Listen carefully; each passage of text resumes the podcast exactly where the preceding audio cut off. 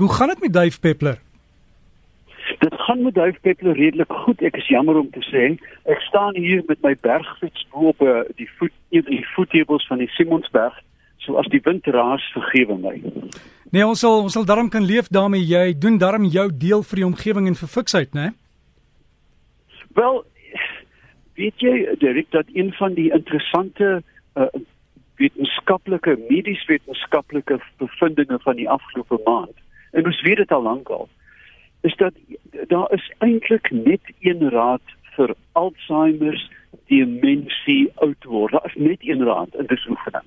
Ja. Jy weet en 'n redelike leefstyl. Maar maar een van die hoofkomponente is oefening en vreemd genoeg 'n ander ding wat jou jou sal interesseer dat jy in 'n gemeenskap moet lewe en nie op jou eie nie. Dat gemeenskappe uh bring die insidensie van hospitalisering met 20% af as jy in 'n gemeenskap lewe. Is dit nie interessant nie? Dis baie interessant, Dave. Ek weet daar's van die oorsese lande, jy weet as as iemand daar gaan woon, wil hulle baie graag hê sou 'n onmiddellike familie by hom aansluit. Hulle sê want dit haal die las van die staat af. Ja, absoluut. Daar is 'n dorpie uh, naby Bristol in Engeland wat so ek het nou sy naam vergeet wat se wat 'n gemeenskapsbetrokkenheid projek begin het. En hulle het binne 3 jaar toelating van ouer mense tot hospitale met 20% verminder bloot net deur mense gereeld na te gaan sê hoe gaan dit aan die kitty? Hierso so 'n pakkie druiwe wat ook al. Die idee dat 'n mens aan 'n gemeenskap behoort neem vreeslik spanning van die van die alledaagse bestaan weg. En 'n mens kan dit verstaan. Ons lewe al hoe meer geïsoleer Dan daai vraag wat op SMS gekom het. Iemand vra, as jy ouer word, is dit goed om so klein bietjie vet te hê en nie te maar te wees nie? Ja, weet jy, dis nogals dis snaaks dat jy nou hierdie vraag hier bykom. Want ehm um, daar was juis ook die week in die Guardian uh koerant wat mense nou nie as wetenskaplik beskou nie, maar 'n baie betroubare bron dat jy moet eintlik nie 'n bietjie vetjie so met die ouderdom ehm um, is nie 'n slegte ding nie, want as jy te maar word dan um, dan is dit het negatiewe gevolge. Maar dan kom genetika by. Daai wonderbaarlike um, Amerikaanse akteur Harry Dean Stanton uh, is verjaar oorlede op ek dink dit was iets soos 4 of 95. Hy het soos 'n vulkaan gerook, gedrink, ehm um, der duisende vrouens verlei en hy het horing uitgeword. So, jy weet genetika het ook iets daarmee te doen. So so Dave was hy nie daai dinge gedoen het nie, het hy 200 jaar oud geword. Of 30. Dave dan ja, ons sal nie nou daaroor praat, maar hoorie so iemand vra hier die son wat nou so met die seisoense verandering weer skuif. Hoeveel grade skuif dit per dag? Is is 'n minuut of 2 minute per dag? Dirk, ek het die vraag van jou ontvang per e-pos. Nou, daai vraag dink ek kom uit 'n vraestel aan 'n eerste of tweede jaar fisika fisika vraestel.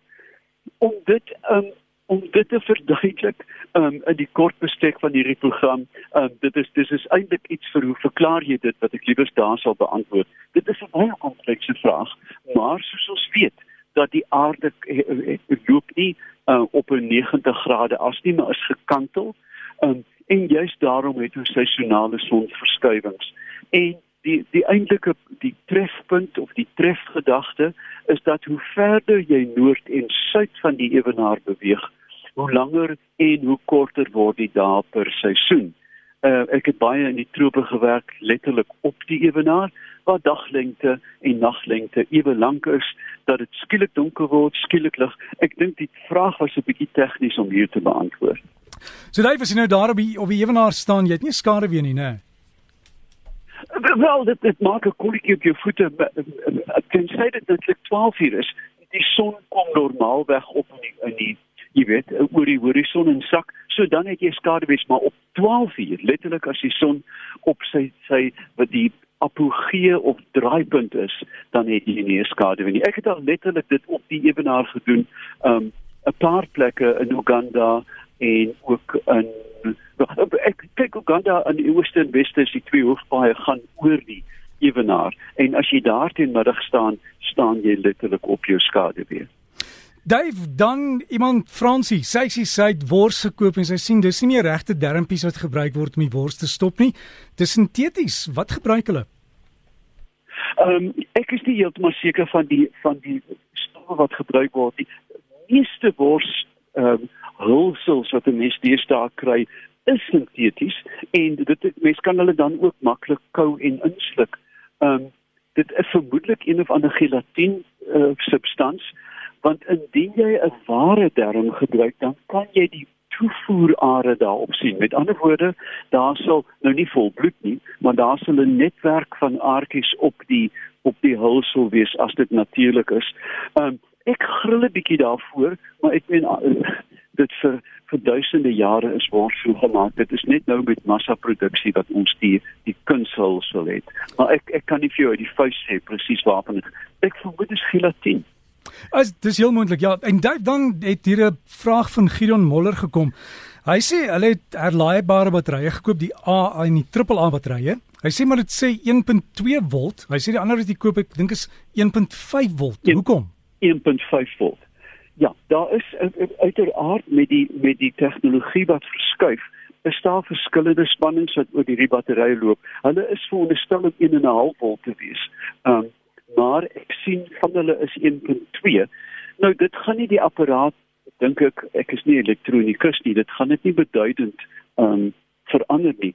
Wat wel belangrik is, hoeveel ampere ure die battery het. Met ander woorde, hoe lank hy gaan hou.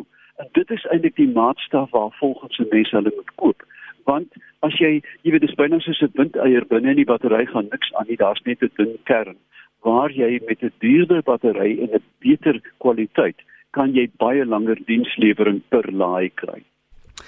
Dave dan Louise Du Plessis van Riversdal vra of sê hulle het uitgevind hoekom hulle groot geelhoutboom lyk of hy doodgaan want hulle het water opgehard tanks langs hierdie boom gesit en die boom kry nie water nie want al die water gaan in die tanks in.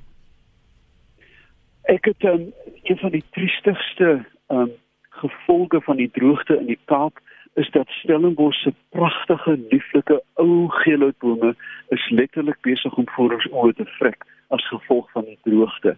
Um omdat hierdie uh, uh eenmal 'n 150 of selfs 200 jaar droogte mag wees, um is al die bome wat wat hier staan wat wat meer as 150 jaar oud is, sommige van hulle besig om voor ons oë te vrek. Dit is tragies, maar in die natuur sal dit ook gebeur, nie in die woude waar dit natuurlik voorkom. En dit bring ons direk by um, iets wat ons indringend moet bespreek in die toekoms, is wat wil ons in ons tuine hê? Wil ons die lower van die Suid-Kaap um, in die Karoo hê? Ons kan eintlik nie. Ons moet die goed plant soos ons inheemse dorings, die akasias, um, wat aangepas is daarvoor en dan kan hierdie teleurstellings nie kom nie.